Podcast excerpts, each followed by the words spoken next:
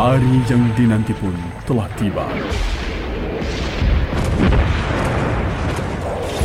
Peluru perang pertama terlontar dari kapal perang di Tanjung Perak, menghancurkan bangunan di Surabaya. Bara 10 November Takbir kembali menggema di seluruh penjuru kota.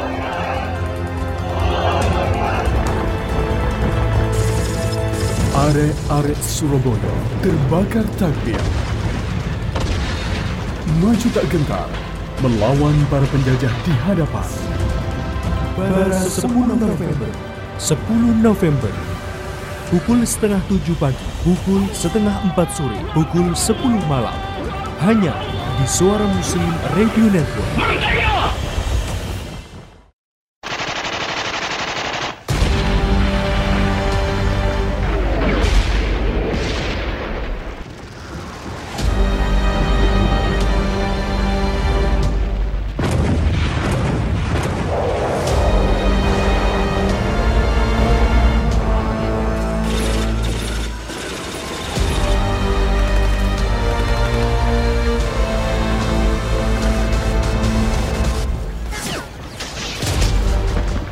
Asap mengepul di mana-mana.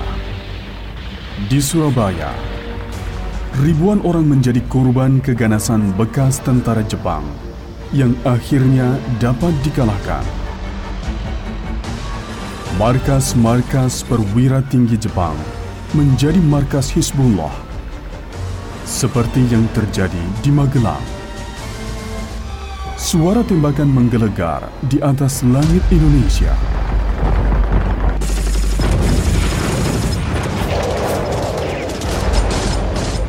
Pada saat yang bersamaan, secara cepat, tiba-tiba saja Afne pada tanggal 9 September melalui penghubung Mayor Greenhalgh sudah tiba di Jakarta.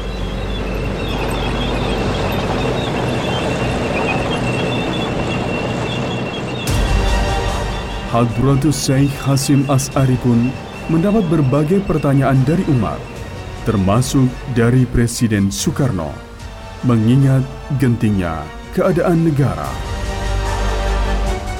Tanggal 17 September, akhirnya beliau mengeluarkan fatwa jihad yang akhirnya kelak dikukuhkan menjadi resolusi jihad. Satu, hukumnya memerangi orang kafir yang merintangi kepada kemerdekaan kita sekarang ini adalah fardu ain bagi tiap-tiap orang Islam. Dua, hukumnya orang yang meninggal dalam peperangan melawan nikah serta komplotannya adalah mati sakit. Tiga, hukumnya orang yang memecah persatuan umat Islam kita ini wajib dibunuh. Fatwa jihad ini sebagai antisipasi jika sekutu berbuat macam-macam terhadap keutuhan negara. Dan benar saja, tak lama kemudian, penghujung September, dengan kapal perang Inggris HMS Cumberland, pimpinan Laksamana Muda Peterson, Nika, Netherlands Indies Civil Administration, ikut membonceng datang ke Tanjung Priok dan terdengar kabar pula, kapal perang susulan akan tiba di Semarang dan Surabaya. Menyikapi fatwa, para ulama pun akhirnya berkumpul. 21 Oktober 1945, ratusan ulama berdatangan ke Surabaya. Dikabarkan Tentara sekutu sudah tiba di Jakarta dan beberapa hari lagi akan tiba di Surabaya dengan dalih melucuti Jepang yang sebenarnya sudah mulai dilucuti oleh rakyat Indonesia.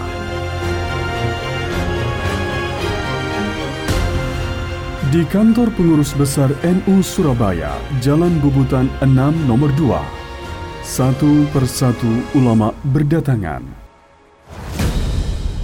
Ketua Majelis Suro Masyumi dan Rais Akbar NU, Kiai Haji Hasim As'ari bersama putranya, Kiai Haji Wahid Hasim, Kiai Haji M. Dahlan, Kiai Haji Mukhtar, Kiai Haji Zuhdi, Kiai Haji Abdul Wahab Hasbullah, Kiai Haji Abdul Aziz Kudus, Kiai Haji M. Ilyas Pekalongan, Kiai Haji Abdul Halim Sidik Jember, dan lain-lain.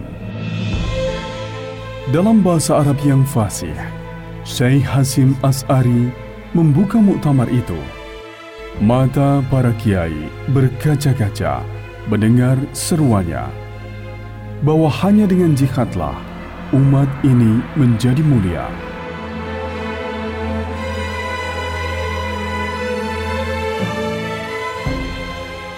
Haru menyeruak dalam ruangan sempit itu.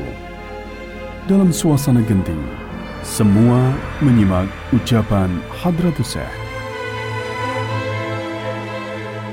Akhirnya, dengan suasana haru, seakan menjadi pertemuan terakhir, terciptalah resolusi jihad, sebuah fatwa akan wajibnya laki-laki dan perempuan berjihad fisabilillah mempertahankan agama dan negara.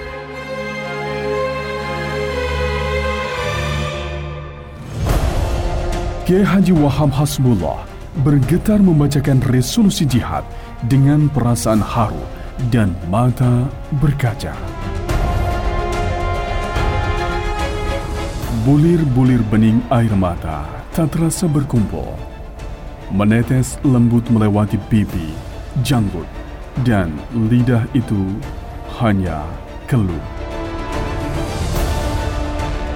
Bahwa panggilan jihad telah ditabuh Tak ada satu kata lagi untuk mundur.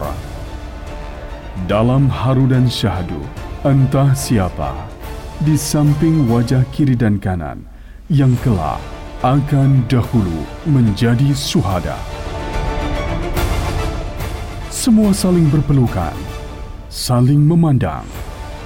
Jikalau ini adalah pertemuan terakhir di dunia.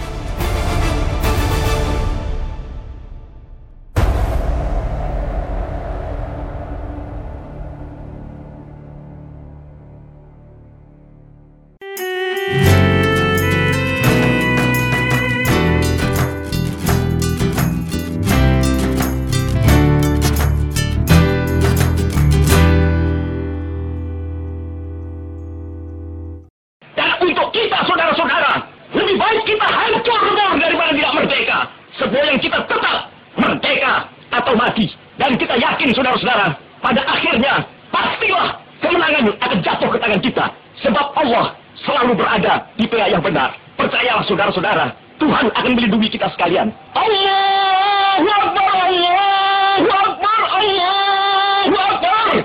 Merdeka!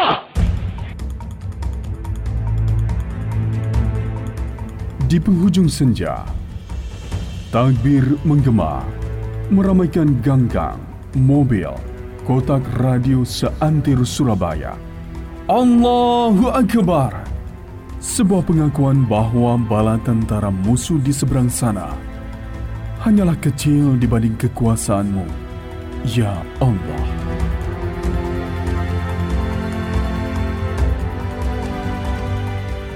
Malam itu, semua doa terpanjatkan, berharap kemenangan atau syahid menjemput. Ruku sujud pun terlakon. Bersiap kehilangan semuanya. Harta, benda, keluarga, hingga jiwa mereka. Malam itu begitu emosional.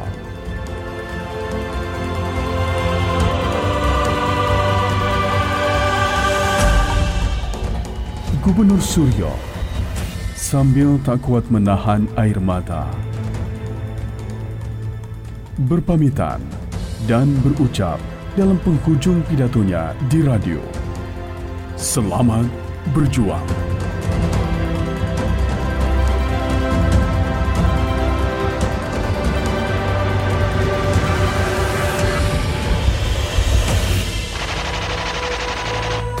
Hari yang dinanti pun telah tiba.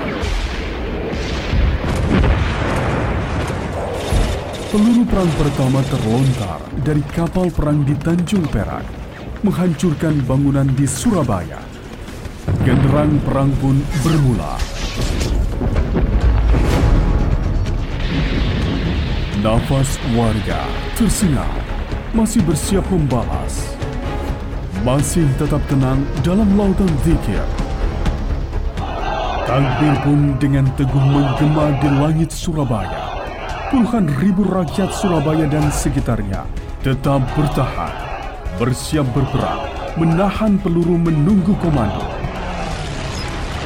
Langit Surabaya menjadi bising saat pesawat itu mengitar, memuntahkan bom.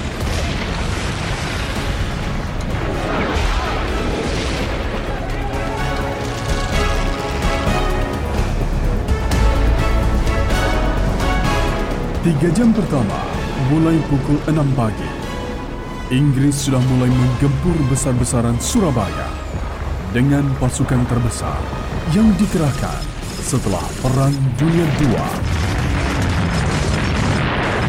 Kapal Sussex terus menggempur menyisakan puing-puing yang terus teronggok. Satu persatu korban bergelimpangan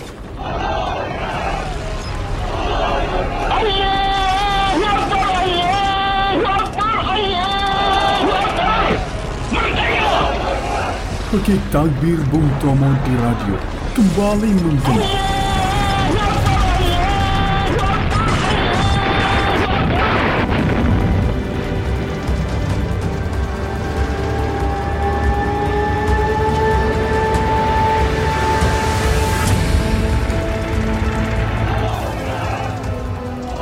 Ketika mentari mulai menghangat, takbir kembali menggema di seluruh penjuru kota.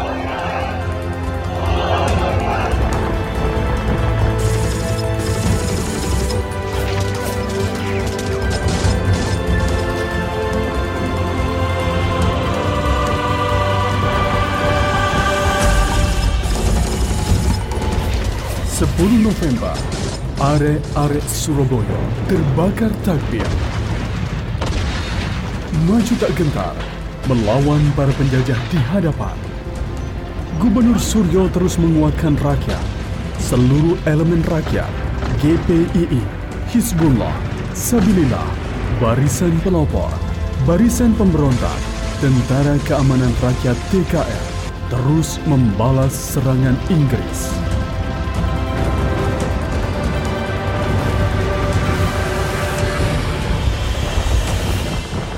Asap semakin mengepul memenuhi Surabaya Utara. TKR Divisi 7 Surabaya, Jombang, Mojokerto, dan pimpinan Hizbullah, Kiai Haji Abdul Nafi Akhyar, Husaini, Muhammad Muhajir menjadi garda terdepan di utara. Darah-darah mengucur. Pasukan Hizbullah dengan gagah berani bertempur melawan moncong tank baja yang memang tak berimbang. Tapi semangat jihad begitu membara. Mereka lincah meloncat dari satu tank ke tank yang lain, membakar tank dengan senjata seadanya. Darah suhada pun bercucuran, mengalir deras di bumi jihad Nusantara. Di luar dugaan, pihak Inggris yang semula mengira bahwa perlawanan di Surabaya bisa ditaklukkan dalam tempo tiga hari. Namun nyatanya, semangat perlawanan pemuda-pemuda Surabaya terus berlanjut dari hari ke hari hingga dari minggu ke minggu. Perlawanan rakyat yang pada awalnya dilakukan secara spontan dan tidak terkoordinasi, makin hari makin teratur. Rakyat Surabaya tidak tinggal diam. Mereka melakukan perlawanan atas serangan itu. Pertempuran yang tidak seimbang selama tiga minggu telah mengakibatkan sekitar 20 ribu rakyat Surabaya menjadi korban. Sebagian besar adalah warga sipil. Selain itu, diperkirakan 150 ribu orang terpaksa meninggalkan kota Surabaya yang hampir hancur total terkena serangan sekutu. Sementara di pihak Inggris tercatat 1.500 tentara Inggris tewas, hilang, dan luka-luka.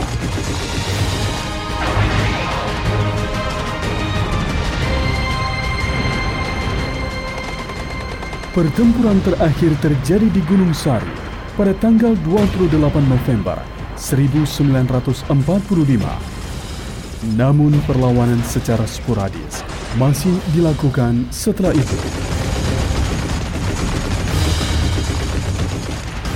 Pertempuran Surabaya berakhir dengan kekalahan pihak Indonesia.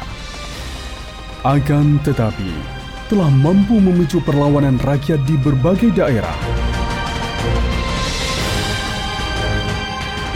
Bara 10 November membuktikan bahwa rakyat Indonesia rela berkorban demi mempertahankan kemerdekaan mereka meskipun harus dibayar dengan nyawa.